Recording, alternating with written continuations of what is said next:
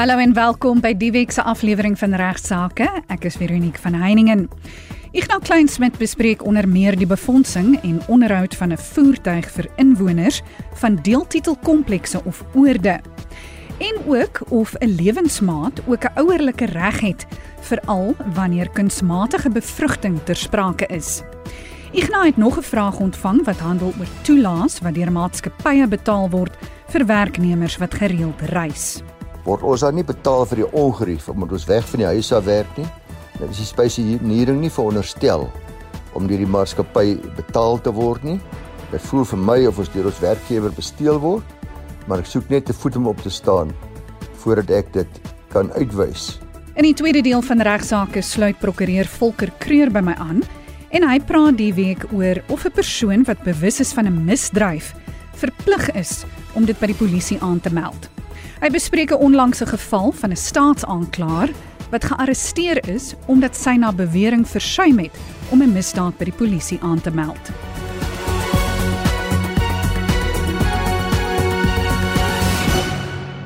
Die week begin ons die program met Ignas wat praat oor 'n kombi of 'n voertuig wat gebruik word in aftreeoorde of deeltitelkomplekse vir die vervoer van die inwoners.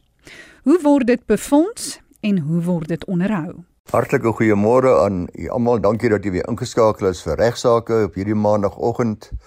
Ek het 'n uh, skrywe ontvang vanaf Jaap Kroon en dit het al voorheen ook vir ons geskryf. Hy is duidelik 'n redelike spesialis op die gebied van deeltitels, deeltitelkomplekse.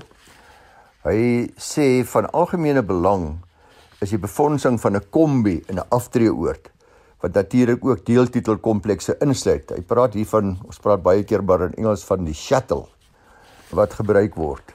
Dan sê hy die meeste oorde beskik wel oor so 'n tipe kombi of 'n passasiersvoertuig wat dat die inwoners na verskillende bestemmings neem teen 'n nominale koste, byvoorbeeld winkel toe.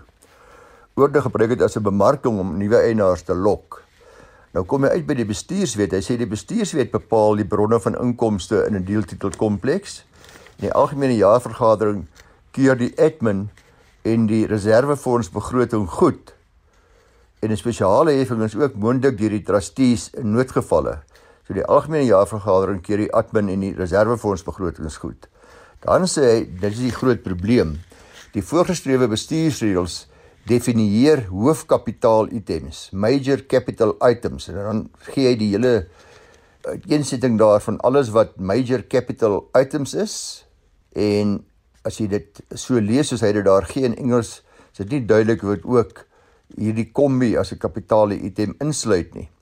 Die voertuie sê meneer Jaap Kroon het 'n beperkte ekonomiese leeftyd en ver vervanging van tyd tot tyd en die finansiële implikasies is groot. Gewoonlik is dit 'n diens wat teen 'n verlies bedryf word. Die vraag is, kan dit as hoofkapitaal item beskou word en dus doende uit die reservefonds begroting befonds word en in die instandhoudingsplan ingesluit word? Indien nie, dan is daar 'n probleem. Hoe moet dit befonds word? 'n Spesiale heffing of 'n admin begroting? Hoe gaan die ouditeur die saak hanteer in die finansiële state? Hy sê hulle het by hulle al sedert 2017 in die reservefonds 'n 10 jaar plan hiervoor begroot. Maar nou ontstaan hierdie vraag oor hierdie diensvoertuig. Ek sal dankbaar wees indien dit tydens een van die programme kan bespreek. Breed dit sekerlik ook van algemene belang is vir ander komplekse en aftreeoorde. daarmee saam ook of die hoofkapitaal items beperk is tot die items wat in die reëls aangehaal word. Nou soos gewoonlik wanneer ons by deeltitel vra kom, maak ek gebruik van 'n spesialis en die persoon wat ek beskou as 'n ware spesialis is Retief van Willig hier in Rustenburg. Hy het al voorheen vir ons uitstekende navrae gereageer. Hy was weer so gaaf om ook hierdie navraag te beantwoord. Dis Retief van Willig van van Willig ingelyf. Hy is ook 'n bekende persoon wat deeltitelkomplekse hanteer en ook die komplekse bestuur. Hy sê Jaap het vir ons 'n definisie van 'n groot kapitale uitgawe of 'n major capital item gegee. Dit sluit items in wat die geboue, verbeterings, gemeenskaplike eiendom van die skema bedien. Dis tipies items wat deel van die geboue versekerings uitmaak, byvoorbeeld pype, ligte, bedrading, huisbakke, dakke ensovoorts. Die diensvoertuig van die die skema sê retief is nie ingesluit in die definisie van 'n groot kapitale uitgawe nie. Groot kapitale uitgawes is beperk tot dit wat in die definisie ingesluit is en dit antwoord dan nou die een vraag en word uit die reservefonds betaal. Gevolglik sal koste verbonde aan die aankoop en onderhoud vir die diensvoertuig beslis nie uit die reservefonds kan kom nie. Die geld in die reservefonds word uitsluitlik gebruik om die onderhoudsplan ofwel die maintenance, repair en replacement plan te finansier. Volgens die standaard bestuursreëls kan fondse in die reservefonds net slegs gebruik word vir onvoorsiene uitgawes en onderhoud aan die gemeenskaplike eiendom.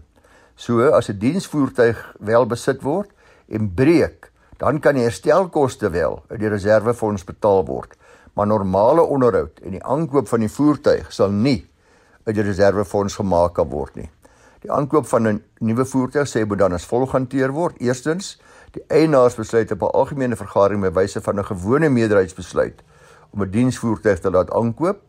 Tweedens, indien die voertuig se aankoop gefinansier gaan word by wyse van 'n banklening, moet die eienaar ter middel van 'n spesiale besluit, dis nou nie meer 'n gewone meerderheidsbesluit nie, 'n spesiale besluit, die aangaan van so lening, so finansiering goedkeur. Skemas wat voorsiening maak om 'n diensvoertuig aan te koop, sal boonbehalwe die gewone lopende rekening en reservefondsrekening 'n derde spaarrekening moet hê om vir die aankoop van die voertuig te spaar. Ja, vra of die fondse vir die voertuig uit die gewone administrasiebegroting kom, dit by wyse van 'n spesiale heffing gedoen word. Die koste moet in die gewone begroting ingesluit word. Spesiale heffings kan net deur trustees ingestel word as 'n noodmaatreël. So dit is die gewone begroting. Eienaars kan besluit om 'n voertuigheffing as 'n aparte item op hulle heffings te laat aanbring as hulle dit so verkies en dit dan saam met hulle heffing te betaal. Sodra die betaling in die lopende rekening inkom, moet dit oorgeplaas word na die spaarrekening wat dan gebruik gaan word om vir die aankoop van die voertuig te betaal. Dit klink of Jaap se skema geld in die reservefonds reeds gespaar het vir 'n voertuig. Retief van Willigie en Rustenburg se advies aan hulle is dat die eienaars bewyse van 'n spesiale besluit die trustees magtig om dan daardie fondse uit die reservefonds na 'n ander rekening oor te plaas wat gebruik kan word om die nuwe voertuig te betaal. Dan wat die vraag van die ouditeure betref, die ouditeure sal die voertuig as 'n gewone bate van die skema aan die balansstaat van die skema se finansiële state inbring. Waardevermindering sal dan ook afgeskryf word soos wat gewoonlik op voertuie gedoen word. Retief sê hy weet dis 'n mondvol, maar 'n voertuig is nie 'n groot kapitaal item nie en kan nie uit die reservefonds betaal word nie. Ja, ek hoop dit is 'n volledige antwoord vir jou en ook vir baie ander komplekse en aftreeoorde wat dalk met dieselfde probleem worstel. Baie dankie aan Retief. Retief kan gekontak word by Retief by Vonlaw V O N L A W .co.za Retief by Vonlaw V O N L A W .co www.rsg.za.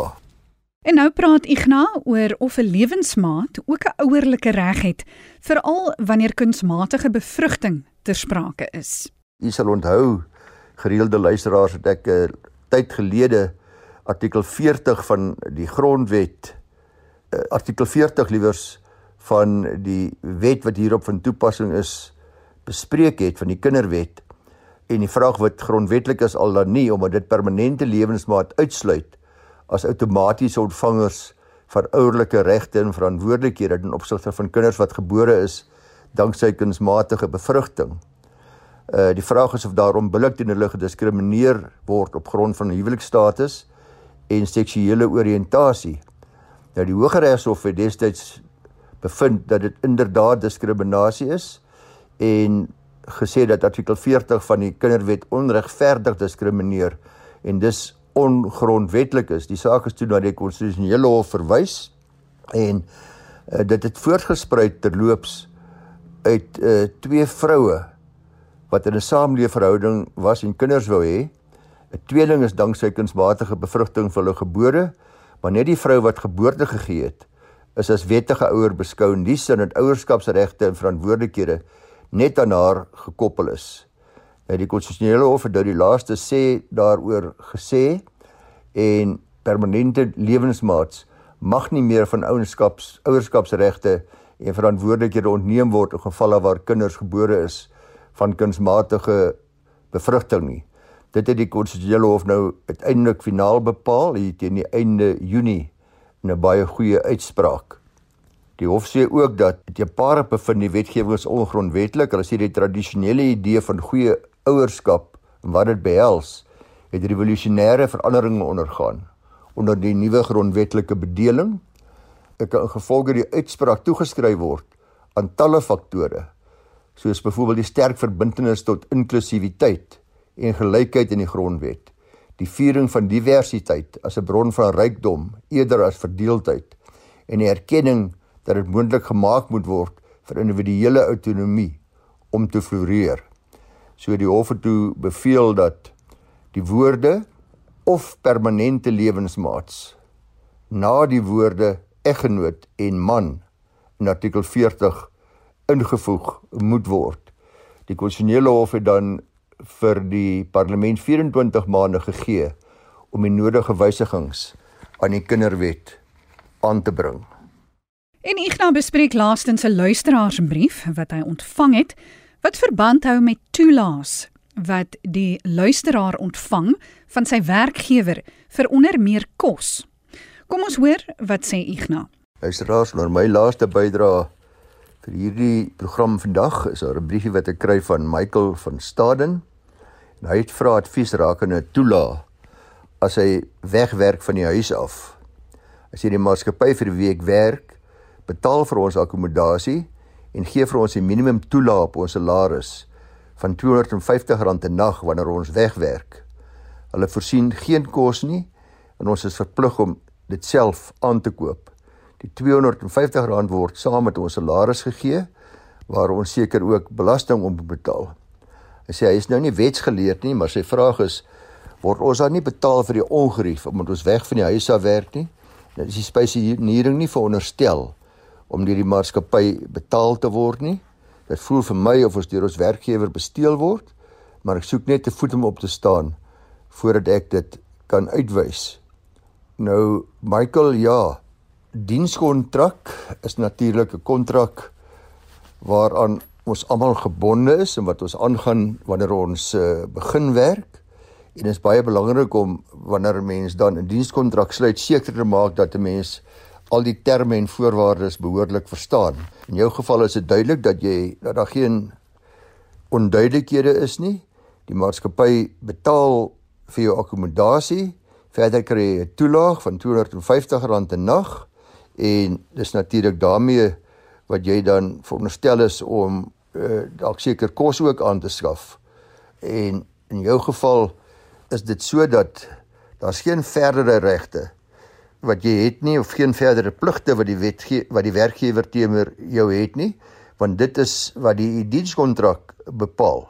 Jy sal moet as jy wil uh, ander regte hê, sal jy dit met die werkgewer moet bespreek en hoor of hulle dit wil aanvul, maar ongelukkig vir jou is jy gebonde aan dienskontrak. Ek dink mense moet net eers weer eens besef hoe dankbaar ons almal moet wees wat werk het. As jy kyk dat die groot werkloosheid syfer en jy moet ook maar versigtig wees om nie oor 'n geringe aspek soos hierdie eh, dalk 'n spanning tussen jou en jou werkgewer te veroorsaak nie. Groete vanaf my tot volgende week dieselfde tyd en ek luister graag saam na Veronique en haar spesialis gas. Volker Kreur van van Velden Duffy Prokureurs praat vandag oor of 'n persoon wat bewus is van 'n misdryf verplig is om dit by die polisie aan te meld. Met ander woorde, kan jy van 'n misdaad aangekla word indien jy versuim het om vir die polisie daarvan te sê as jy daarvan geweet het. Hy verwys ook na 'n onlangse geval waar 'n staatsaanklaer gearresteer is omdat sy na bewering versuim het om 'n misdaad by die polisie te rapporteer. Môre Veronique, môre luisteraars, dis lekker om weer met julle te gesels oor 'n paar regsvrae en vandag spesifiek oor die plig om 'n misdaad aan te meld. Nou ek is nie 'n strafreg kenner nie, so ek het maar 'n bietjie kers opgesteek by my vriend en uh, kollega Lellen Koloos wat uh, baie van die luisteraars ook sal ken en dan ook ons familiereg spesialis Elmarie Rigter hier so in uh, Rustenburg wat um, vir my bietjie leiding kon gee in die verband, maar laat ek eers verduidelik hoekom ek gedink het ou moet dalk weer oor hierdie onderwerp gesels. Daar is 'n artikel wat op Netwerk 24 verskyn het so rukkie terug met 'n berig oor 'n Oos-Kaapse staatsaanklaer wat in die hof in Niemandsdorp gearresteer is en sy eis nou skadevergoeding van 6.5 miljoen rand van die staat vir naamskending vir wat sy sê 'n onwettige arrestasie was. Nou Die aanklagte teen haar spruit uit 'n saak voort wat in die hof in Humansdorp dien volgens die artikel waarin 'n tienermeisie van Jeffreys Bay omgewing beweer haar pa en sy stiefseun het haar seksueel misbruik. Nou die pa en sy stiefseun is in September volgens die berig in verband met die beweerde verkrachting, bloedskande en seksuele gereedmaking in hegtenis geneem. En die staat beweer blykbaar dat sy reeds in Januarie, dis nou die staatsaanklaer, Januarie 2021 van die beweerde voorvalle kennis gedra het en dat sy glo ook 'n oproep van die betrokke pa ontvang het waarin hy beweer het sy stiefseun verkragt sy dogter. Nou sy ontken die aantuigings, maar ja, sy word met ander woorde aangekla dis hoekom sy gearresteer is omdat sy na bewering versuim het om 'n seksuele misdaad waarvan sy bewus geraak het aan te meld. So dis die een storie ter agtergrond van ons gesprek vandag. Die ander een is natuurlik iets waarvan al die luisteraars waarskynlik bewus is behalwe as jy nooit nuus lees nie of nooit nuus kyk nie of luister nie. Is natuurlik president Cyril Ramaphosa wat daarvan beskuldig word dat hy versuim het om 'n diefstal van kontantgeld op sy plaas in Palapala aan te meld. Nou om spesifiek die agtergrond wat ons wetgewing aan betref te verduidelik het ek met my twee kollegas gesels en ja, hulle het as uitgangspunt gesê daar is nie 'n algemene plig op mense om 'n misdryf aan te meld by die polisie nie. Uiteraard sal 'n mens hoop dat jy as 'n goeie landsburger jou bydrae lewer om wet en orde te handhaaf en die misdrywe waarvan jy bewus raak of waarvan jy getuie is aanmeld maar jy kan as uitgangspunt nie sommer in die moeilikheid raak as jy nou sou versuim om dit te doen. Met ander woorde, jy kan dan nie sonder meer strafregtelik aangekla word as jy versuim om dit te doen. Behalwe as daar nou spesifieke wetgewing is en een voorbeeld daar is die wysigingswet op die strafreg, seksuele misdrywe en verwante aangeleenthede 2007 en daar is artikel 54 volgens uh, Elmarie spesifiek relevant Dit gaan oor 'n verpligting om die pleeg van seksuele misdrywe teenoor persone wat kwesbaar is aan te meld. En daar sê subartikel 1 iemand wat kennis daarvan dra of 'n redelike oortuiging of vermoede het dat 'n seksuele misdryf teenoor 'n persoon wat kwesbaar is gepleeg is, moet sodanige kennis, redelike oortuiging of vermoede onmiddellik by 'n polisiebeampte aanmeld. So die belangrike vraag is natuurlik is dit 'n persoon wat kwesbaar is? En daar gee die definisie vir ons leiding en daar's 'n lys van persone wat die wetgewer as kwesbaar beskou. Een voorbeeld is 'n kind of 'n persoon met 'n verstandelike gestremdheid. Uiteraard is dit 'n kwesbare persoon. So dan is daar so 'n plig te sprake as daar 'n seksuele misdrijf dalk gepleeg is.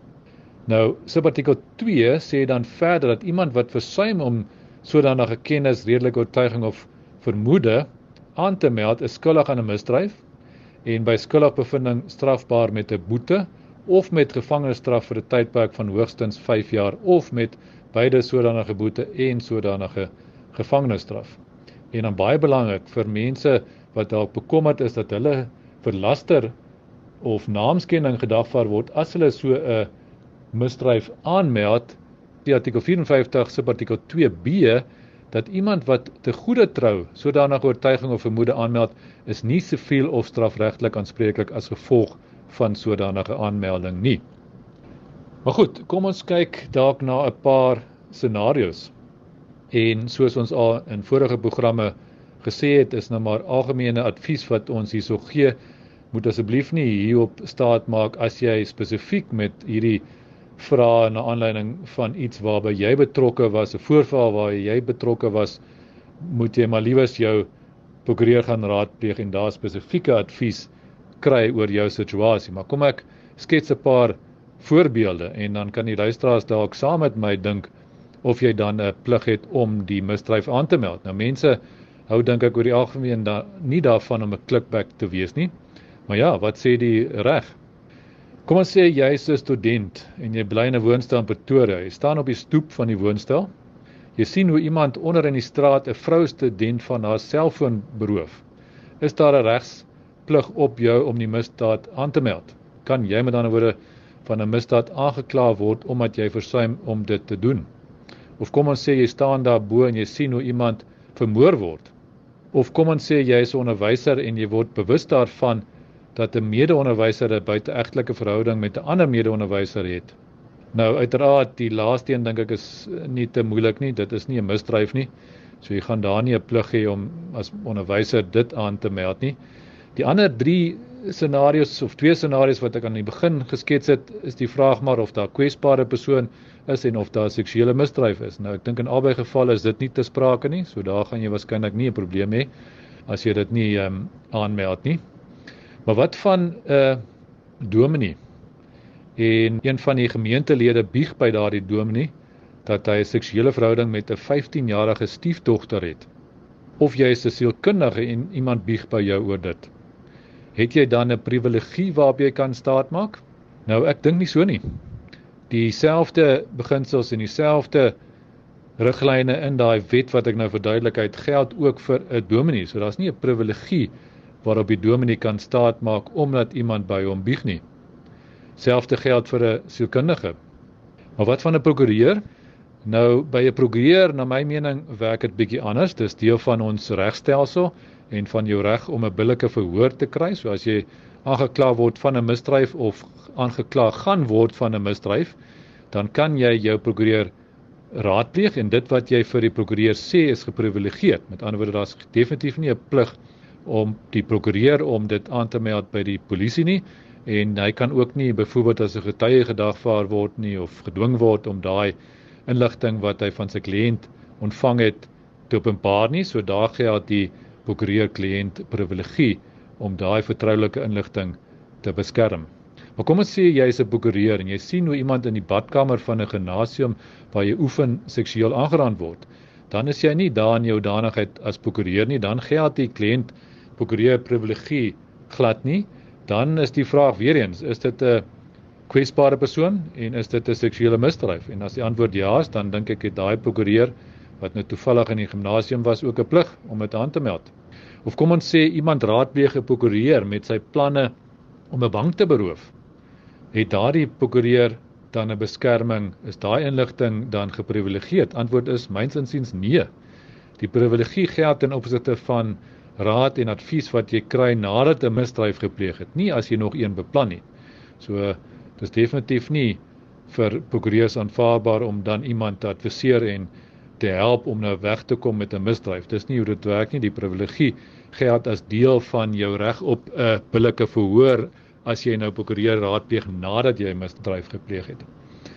Ja, en dan die laaste scenario dalk is nou meer meer bietjie uit 'n arbeidsregtelike oogpunt, maar dit handel ook oor die vraag of daar 'n plig is op jou om te verklik jou uh, kollega byvoorbeeld te verklik. Kom ons sê jy werk in die bank as 'n kassier en jy kom agter dat een van jou medewerkers 'n slim plan het om elke dag 'n paar rand te steel sonder dat julle bestuurder dit agterkom, het jy 'n plig om dit aan te meld. Kan jy by jou werkgewer in moeilikheid kom as jy versuim om dit te doen? Antwoord is ja. Jy is uh, in die moeilikheid, jy het so 'n plig, so dit nou niks te doen met die polisie of die strafregstelsel, daai gaan oor jou arbeidsregtelike beginsel werkgewer werknemer verhouding en daar het jy definitief 'n plig om dit aan te meld en as jy versuim om dit te doen, kan die werkgewer jou aankla en inderdaad ook potensieel ontslaan. So daar moet jy maar liewers in belang van jou werkgewer optree. So ja, dis 'n klompie voorbeelde en gee hopelik bietjie interessante leiding vir die luisteraars oor wat ons reg sê oor die plig om 'n misdryf aan te meld. Baie dankie aan Ignas Kleinsmid en Volker Kreer, beide van van Velden Duffy Prokureurs in Rustenburg vir hulle bydraes tot vandag se program. Vir enige navrae, stuur gerus 'n e-pos na my toe by vero@rsg.co.za. Van my Veronique van Heiningen groete tot volgende week.